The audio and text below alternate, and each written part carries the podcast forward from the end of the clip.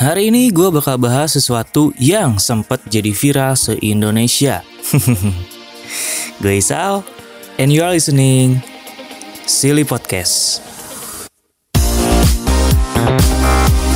Yap. Eh, hari ini tuh tanggal berapa ya? 11 11 Juni 2021 hari Jumat dan eh, hari ini itu tepat satu hari setelah kejadian massal yang terjadi di hampir seluruh Indonesia kali ya bisa dibilang. E, di mana mungkin ini terjadi di mungkin kebanyakan di kota-kota besar.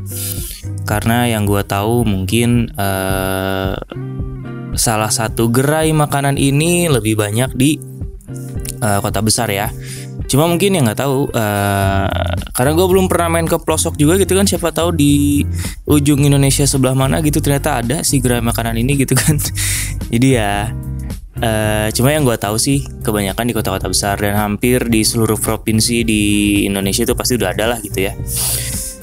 Uh, tapi sebelum gue lanjut bahas lebih jauh tentang fenomena ini gitu, yang mana Silly Podcast hadir untuk itu gitu kan uh, gue minta maaf dulu nih. Mungkin mungkin kualitas audio dari Silly Podcast di episode kali ini mungkin kurang baik atau gimana. Mungkin uh, teman-teman yang bisa nilai karena jujur aja uh, sound card gue kebetulan rusak.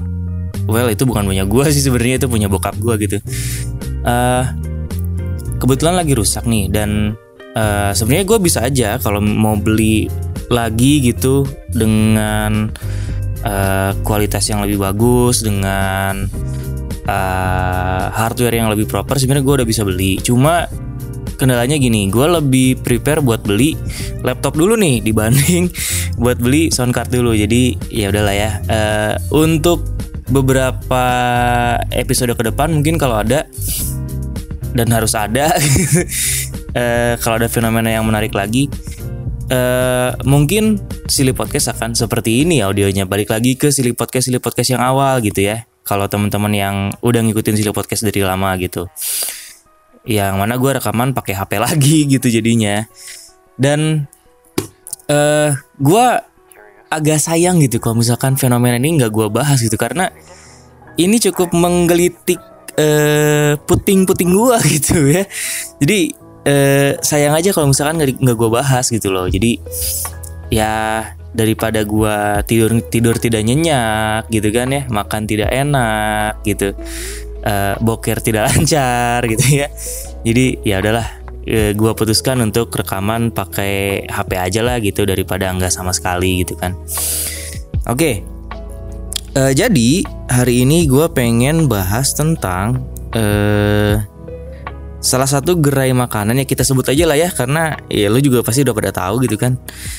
Dan seperti biasa disclaimer dulu di awal bahwa Silly Podcast hadir bukan untuk uh, membenci, bukan untuk menjelek-jelekan, bukan untuk mencaci gitu ya, tapi gue pengen kasih sudut pandang lain aja gitu loh dari fenomena fenomena-fenomena yang terjadi di dunia ini terutama di uh, negara plus 62 gitu ya.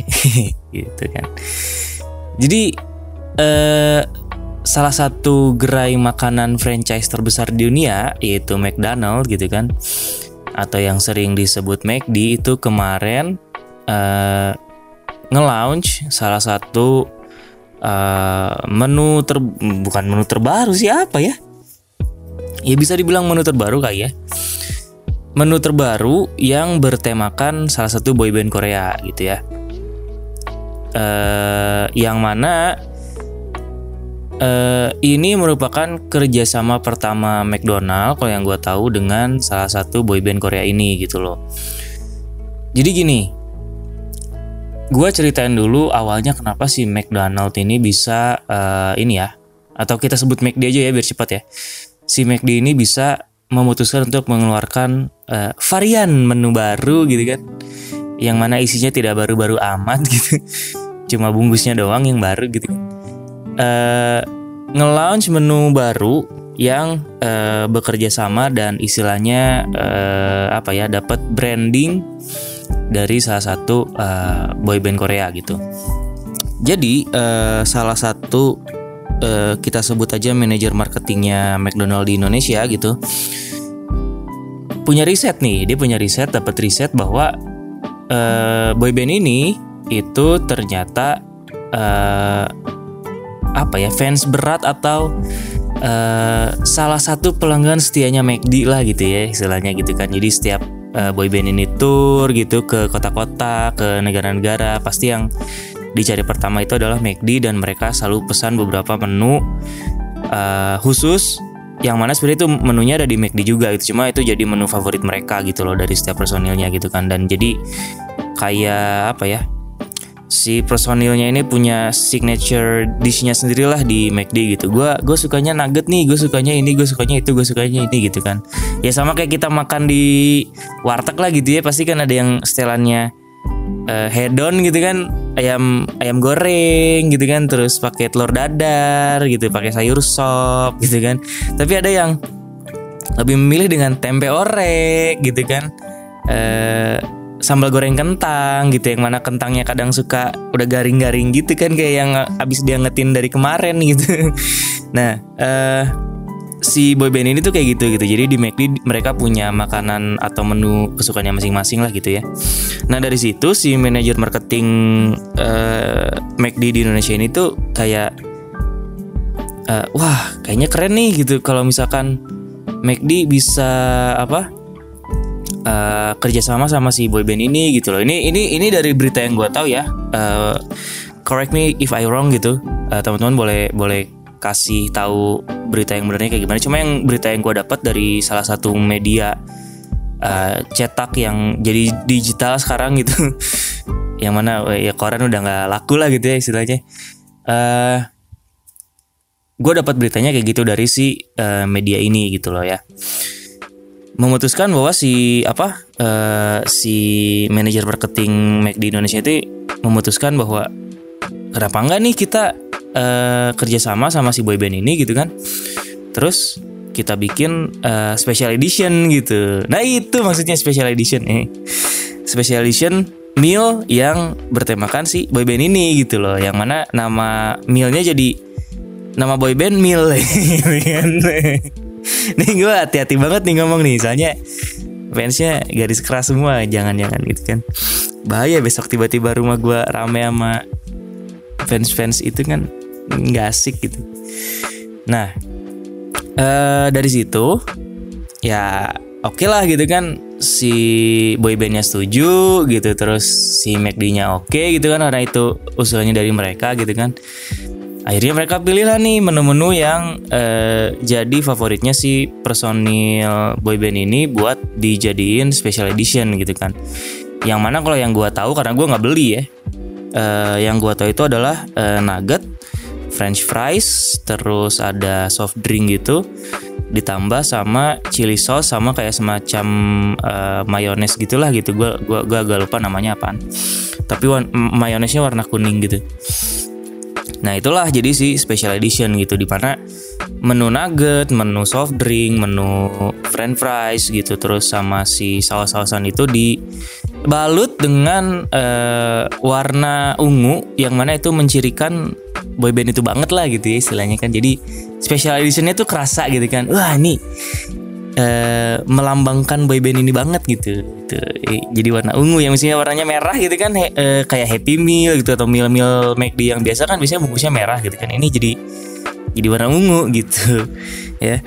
Nah, uh, setelah uh, perjalanan panjang untuk negosiasi bla bla segala macam itu kan akhirnya launch gitu kan launch uh, dan uh, launch di hari kemarin gitu yang mana sebenarnya para uh, penikmat McD ataupun para fans Bobin ini tuh bisa menikmati special edition meal ini tuh selama satu bulan ke depan gitu loh sebenarnya. Cuma, cuma ya, ya mungkin karena fanatisme yang sangat tinggi gitu kan, karena kecintaan yang sangat mendalam gitu loh ya. Jadi kemarin satu Indonesia tuh McD penuh cuy. Ya, gua aja di Bandung nih, gua aja di Bandung kemarin tempat kerja gue tuh kan eh, deket McD ya. Ada ada tiga eh dua dua dua gerai McD yang posisinya cukup deket lah sama tempat kerja gue gitu loh. Apalagi yang yang paling deket banget tuh kayak gue keluar dari kawasan tempat gue kerja tuh langsung ketemu McD itu gitu loh. Rame banget maksudnya bukan rame bukan cuma rame kak sama orang yang beli secara langsung ya tapi kebanyakan tuh justru para, para ojol gitu yang yang nongkrong di sana gitu loh.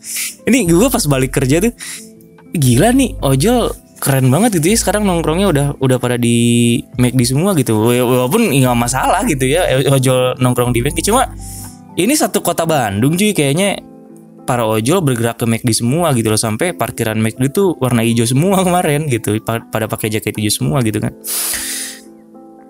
dan langsunglah terbersit di pikiran gue ini gimana nih maksudnya? Kita kan belum belum free ya? Belum free dong belum dong. Orang vaksin aja belum semua kan? Ya nyokap gue belum divaksin gitu. Nyokap gue belum divaksin. Terus kemarin beberapa kenalan-kenalan gue juga ada yang belum di, belum belum belum dapat vaksin gitu. Karena mereka masuknya ke masyarakat umum gitu. Bukan pekerja bukan bukan tenaga medis bukan guru gitu kan. Bukan uh, apa uh, rekan-rekan media gitu. Bukan bukan bukan lansia juga gitu. Nyokap gue belum belum tua-tua banget jadi belum bisa masuk ke lansia gitu. Belum belum 60 tahun.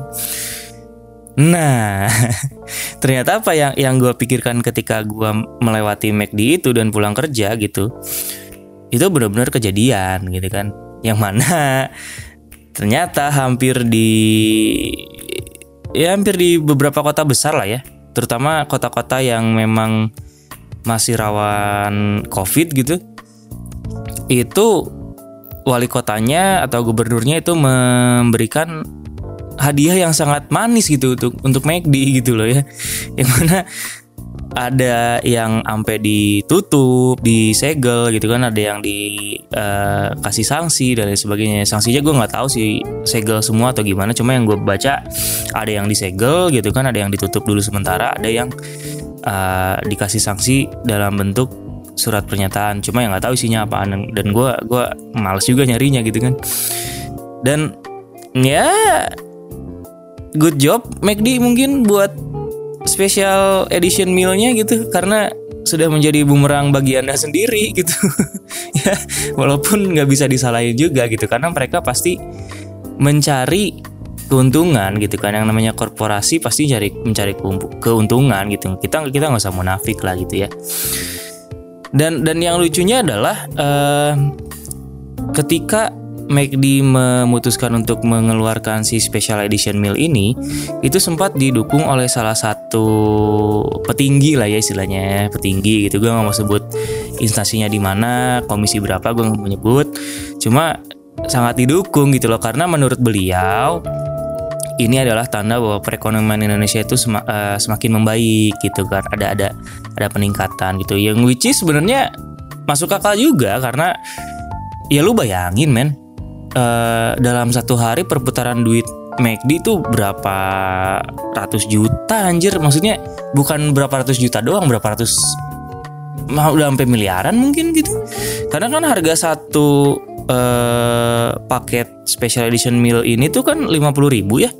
Jadi 50 ribu tuh dapat dapat tadi uh, minuman terus dapat uh, apa namanya? Uh, nugget dapat french fries gitu terus dapat saus dan uh, saus sausnya ada dua. Chili sauce sama uh, apa si mayones itu tadi gitu kan. Itu itu gocap gitu. Yang mana sebenarnya kalau kita beli uh, bukan di special edition gitu kalau nggak salah sih harganya sekitar 20-30 ribuan something. Mungkin karena gue jujur aja jarang ke fast food fast food gitu karena ya buat apa juga gitu. Jadi eh lima puluh ribu men dikali ya order satu Indonesia berapa gitu maksudnya. Yang bisa jadi mungkin satu orang nggak ngorder cuma satu gitu. Bisa aja mungkin dua tiga empat lima sepuluh dua puluh tiga ratus gitu kan. Buat dibagi-bagiin ke RT-nya gitu satu RT satu RW gitu. Karena mungkin uh, mereka semua tergabung dalam satu RW si penggemar penggemar penggemar penggemar boyband ini gitu dan memutuskan untuk pesan banyak gitu kan ya nggak masalah gitu kan Cuma yang jadi masalah adalah ya itu tadi jadi banyak kerumunan di McD dan di mana-mana bukan di satu gerai doang tapi di semua gerai gitu yang mana Men, lu bisa beli ini selama 30 hari ke depan gitu loh. Jadi kalau lu nggak dapat hari ini lu bisa beli besok. Ya. Bisa beli besoknya lagi, bisa beli besoknya lagi gitu loh maksud gue. Ya gimana gitu. Ini berimbas ya jadinya gitu. Si McD banyak yang ditutup, banyak yang disegel, banyak yang kena sanksi gitu kan karena dianggap menimbulkan kerumunan gitu kan yang mana ya kita tahu lah ya covid sekarang kan tidak boleh tuh ada kerumunan kerumunan ya nikah nikahan itu nggak boleh ngundang-undang ya kecuali ngundangnya di gedung gitu 2000 orang tamunya itu boleh ya. Atau uh, misalkan uh, apa kayak dangdutan gitu misalkan nggak boleh dangdutan ya. Acara-acara orkes dangdut tuh nggak boleh tapi kalau konser-konser band besar itu boleh ya. Kayak gitulah gitu kan. Ya gimana gitu. Uh, agak miris sih kalau menurut gue karena mungkin dibalik ber, di, di gimana ya dibalik membaiknya ekonomi Indonesia itu sebenarnya ada ada satu keadaan di mana mungkin ada yang salah dengan uh, cara orang kita untuk menanggapi sesuatu gitu loh. Kita menjadi bias untuk uh, mengambil keputusan tentang hal yang baik dan buruk itu yang pertama. Yang kedua, uh, mungkin banyak orang yang akan defense bahwa loh kan gue nggak keluar rumah, gue kan mesennya lewat ojol gitu kan. Apakah anda memikirkan kesehatan para ojol-ojol itu gitu ya kalau menurut gue apakah anda bisa berempati dengan uh, para ojol-ojol itu yang walaupun anda punya uang dan anda membayar si ojol itu gitu kan ya. Karena gue tahu itu pasti jadi defense gitu kan. Gue kan punya duit gue kan bayar belum segala macam ya yeah, itu pemikiran lu gue nggak bisa nggak bisa nggak bisa apa ya? Gue nggak nggak bisa merubah pikiran lu yang sorry itu saya bocil gitu ya. Karena gini ketika gua ketika gua berpikir ingin meminta bantuan ke ojol pun ya kadang gue suka berpikir nih bang ojol uh, lagi sehat nggak ya? Dia lagi lagi aman gak nih uh, keadaannya? Atau gimana? Kayak segala macam gitu kan. Yang yang mana abang ojol itu kan pasti berinteraksi nanti sama kita nih ya waktu lu nerima paket dari si abang ojol itu gitu kan ya kalau gue pribadi sih gue nggak mau sampai misalkan uh, si abang ojol itu bawa carrier ke rumah gue karena berkerumun banyak banget di satu tempat gitu cuma demi mendapatkan satu special edition meal yang lu bisa beli 30 hari ke depan gitu loh ya. Gitu. Dan uh, itu itu membuat gue jadi ngerasa apakah eh, orang-orang di kita udah kehilangan empati dan simpati gitu loh. Dan lebih mengedepankan ego mereka masing-masing gitu ya. Karena nih ya yang yang yang yang yang terpikir di otak gue adalah ketika hmm, mereka memesan ini gitu loh tujuan awal mereka adalah untuk diposting di sosial media tentu saja ya. Tidak mungkin uh, hanya untuk dipesan sampai dimakan dan dibuang. Tidak tidak mungkin ya karena eh, pasti mereka ingin ingin mendapatkan exposure dari sana gitu loh ya. Ih gue udah dapet si special edition meal ini nih. Ih gila keren banget kan gue. Coba lihat dong like dong like post gue dong. Ih lu nggak beli lu nggak asik lu. Ah apa lu? Kayak gitu. Ya kayak gitu kan. Jangan munafik lah jangan munafik. Um, itu mungkin yang yang mendasari kemarin hari Kamis itu hampir semua gerainya McD sepenuh itu gitu loh. Yang padahal balik lagi gue udah ngomong ini berapa kali gitu loh. Lu bisa beli ini selama 30 hari ke depan gitu. Mungkin secara psikologis gini ya kalau mau dijelasin. Ketika ada sesuatu hal yang uh, merupakan uh, minat kita, merupakan hal yang kita sukai, merupakan hal yang kita cintai gitu loh.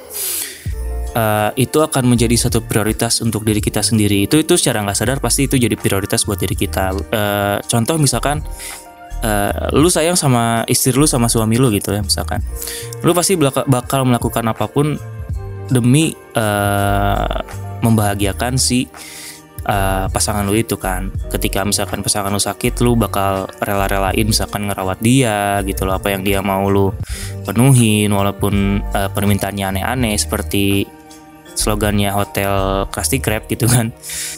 Jadi uh, perasaan itu muncul karena uh, timbul kepuasan dalam diri kita gitu loh ketika kita bisa menuntaskan hasrat sayang kita dengan bentuk perhatian atau dengan bentuk uh, kasih sayang tadi gitu loh ya. Dengan bentuk perilaku yang real lah gitu ya. Yang bisa dilihat oleh orang gitu yang bisa dirasakan oleh orang lain gitu. Nah kalau kasusnya di di uh, special edition meal ini gitu loh. Fans-fans yang begitu sangat mencintai gitu kan begitu sangat menyayangi si idolanya ini gitu loh pasti ingin ingin banget ingin banget uh, merasa dekat gitu loh, merasa intimate dengan si uh, idolanya ini kan. Yang mana sekarang salah satunya adalah dengan cara membeli si special edition meal ini gitu loh. Yang mana itu cuma sekedar kardusnya doang yang mirip gitu loh ya. Gua kira tuh awalnya emang si nuggetnya bentuk muka mereka atau gimana ternyata enggak cuma bungkusnya doang gitu loh dan dan dan satu kebanggaan bagi mereka ketika mereka bisa mendapatkan satu atribut ya. Kita bicaranya atribut ya. Satu atribut yang melambangkan idola mereka yang bisa mereka tunjukkan dengan harapan idolanya bisa melihat hey uh, eh, gue ngefans lo sama lo. Gue sampai ngebela-belain beli ini lo buat lo. Lihat gue sayang banget nih sama lo. Ya di di di dalam psikologi sendiri ada yang namanya uh, teori equity ya atau uh, kesetimbangan atau ke uh, apa ya kesetimpalan bahasa Indonesia-nya gimana ya agak-agak susah sih pokoknya uh, teori equity itu menjelaskan tentang bagaimana kita mendapatkan uh, hubungan timbal balik dengan orang lain dengan benefit yang sama gitu loh. Nah di teori ini ada ada beberapa keadaan gitu loh, di mana salah satunya adalah kita mencintai atau kita melakukan uh, aksi atau perilaku yang uh, istilahnya sangat apa ya sangat proaktif gitu untuk untuk mendapatkan atau untuk menjalin uh, menjalin relasi dengan lawan uh, relasi kita. Tapi kita tidak mendapatkan imbalan secara langsung gitu. Maksudnya imbalan secara langsung tuh bisa misalkan uh, kita nggak langsung dapat uh, teguran dari lawan relasi kita atau kita nggak dapat langsung uh, balasan dari dia dalam bentuk verbal atau dalam bentuk uh, eh, non verbal dan lain sebagainya gitu loh. Tapi orang tersebut dapat kepuasan ketika dia bisa interaksi dengan lawan relasinya walaupun dia tidak tidak dapat uh, umpan balik dari uh, hubungan relasi tersebut gitu loh. Yang mana itu uh, bisa jadi sebenarnya adalah indikasi bahwa hubungan relasi kedua orang tersebut atau kedua individu tersebut atau uh, apa antara relasi ini tuh nggak sehat gitu loh sebenarnya. Karena hubungannya nggak seimbang. Hubungannya nggak seimbang nggak ada timbal balik di sana. Ibarat gini deh. Lu punya pacar nih. Lu sayang banget sama pacar lu ya. Lu udah perhatian sama dia tiap hari ngechat tiap hari bawain makan ngajak dia jalan bla bla segala macam gitu kan.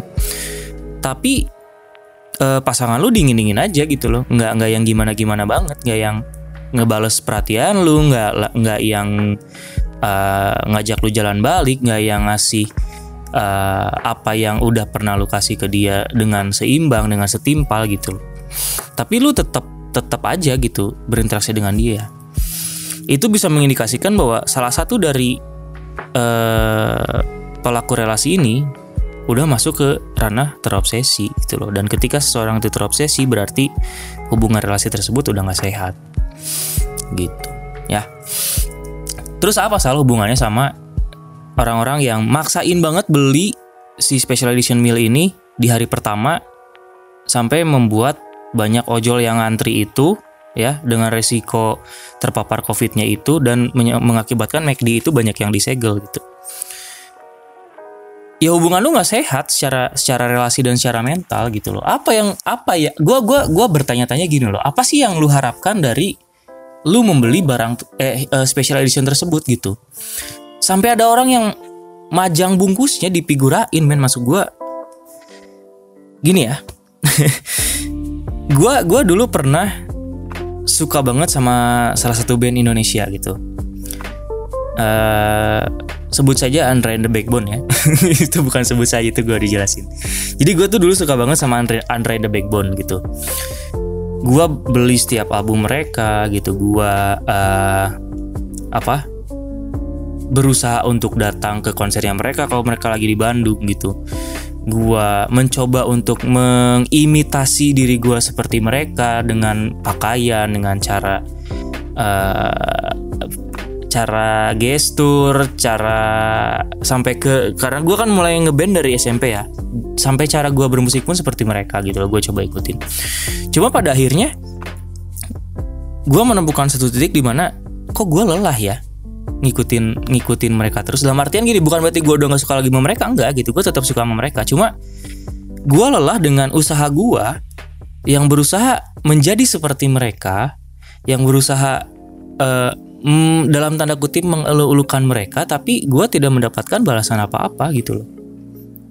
Yang mana sebenarnya gue dapat karya sih dapat karya mereka. Cuma ketika relasi itu tidak dirasa tidak seimbang dan salah satu dari uh, individu yang melakukan interaksi ini tuh merasakan hal tersebut pilihannya kan bisa bertahan atau bisa pergi gitu loh.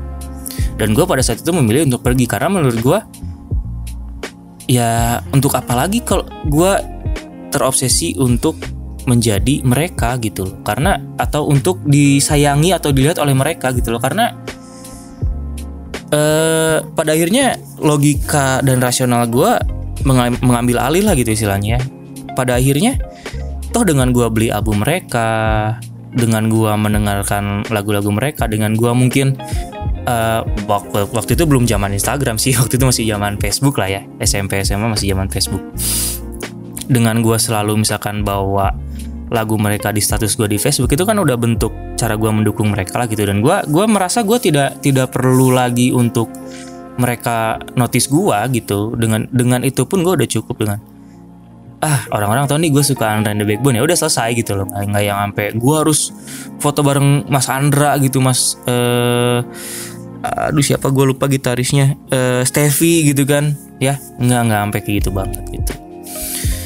Nah mungkin selain selain uh, pemahaman relasi dan keadaan di mana si orang-orang itu terobsesi gitu banyak juga uh, fans-fans dari boyband ini tuh kebanyakan masih anak-anak uh, lah remaja anak-anak gitu loh yang mana ya memang secara secara psikologis mereka masih membutuhkan bimbingan dan arahan agar dapat istilahnya mengontrol impuls mereka sendiri gitu loh. Ini ini kan impuls ya.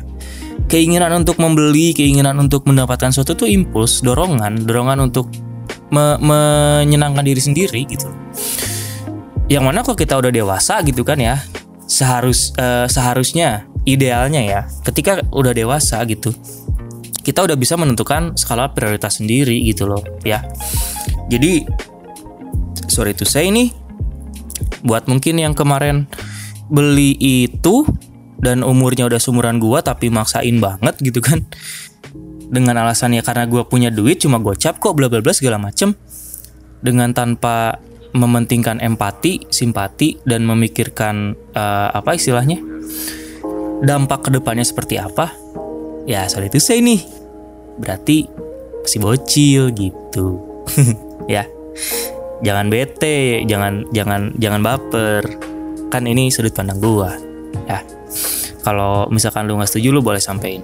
Cuma sampein aja dengan bahasa yang sopan.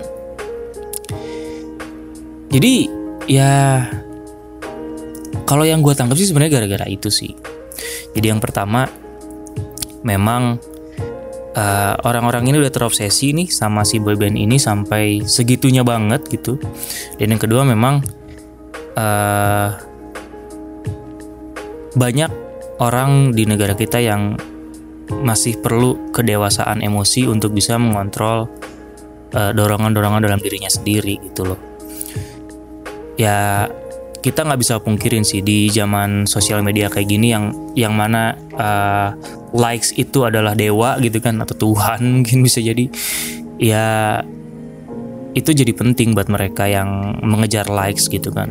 Tapi ya masa sih men lu harus mengorbankan sifat empati lu sendiri gitu dan simpati lu sendiri dan rasional dan logika lu gitu kalau menurut gua. Ya kalau misalkan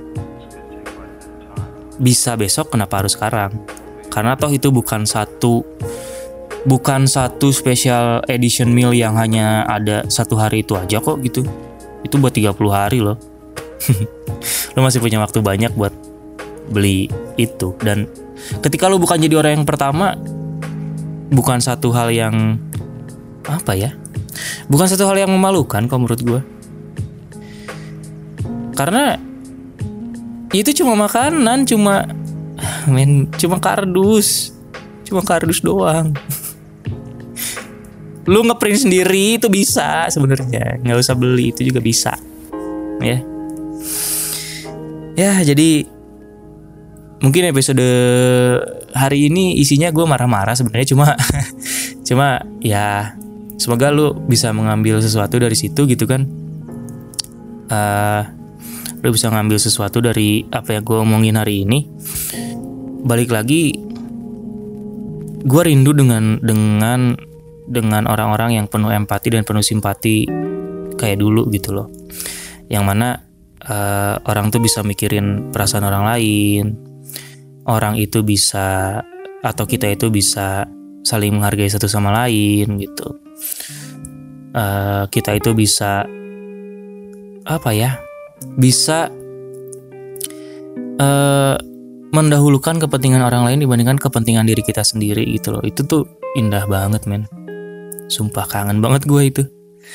Ya semoga itu bisa balik lagi di di negara ini dan gue harap sih nggak nggak kejadian lagi ya hal kayak gini di kemudian hari karena terlepas dari adanya pandemi atau enggak ini membuktikan bahwa sorry to say, negara kita tuh negara followers berarti. Negara kita bukan negara yang bisa mengambil atau bisa membuat trendsetternya sendiri. Kita terlalu ikut-ikutan orang lain supaya dibilang hebat, supaya dibilang keren, supaya dibilang maju. Padahal nggak kayak gitu. Ya, jadi itu aja buat episode gue malam ini. Buat teman-teman yang belum follow Silly Podcast di Spotify, silahkan tekan tombol follow yang ada di bawah. Lalu buat teman-teman yang ingin uh, request bahasan yang menarik di Silly Podcast, boleh follow gue di Instagram di @satrianur. Lu juga boleh ajak gue diskusi di sana lewat DM. Lu boleh misalkan mau kritik, mau ngasih saran, mau ngasih masukan tentang uh, materi yang udah gue bahas atau tentang hal-hal lain yang pengen kita bicarain, lu boleh DM gue aja di situ, ya. Dan uh, sampai ketemu lagi di episode selanjutnya. Tetap jaga kesehatan teman-teman, tetap jaga uh, mental teman-teman Jangan kehilangan rasa kemanusiaan hanya demi kepuasan diri kalian masing-masing. Dan I'm out.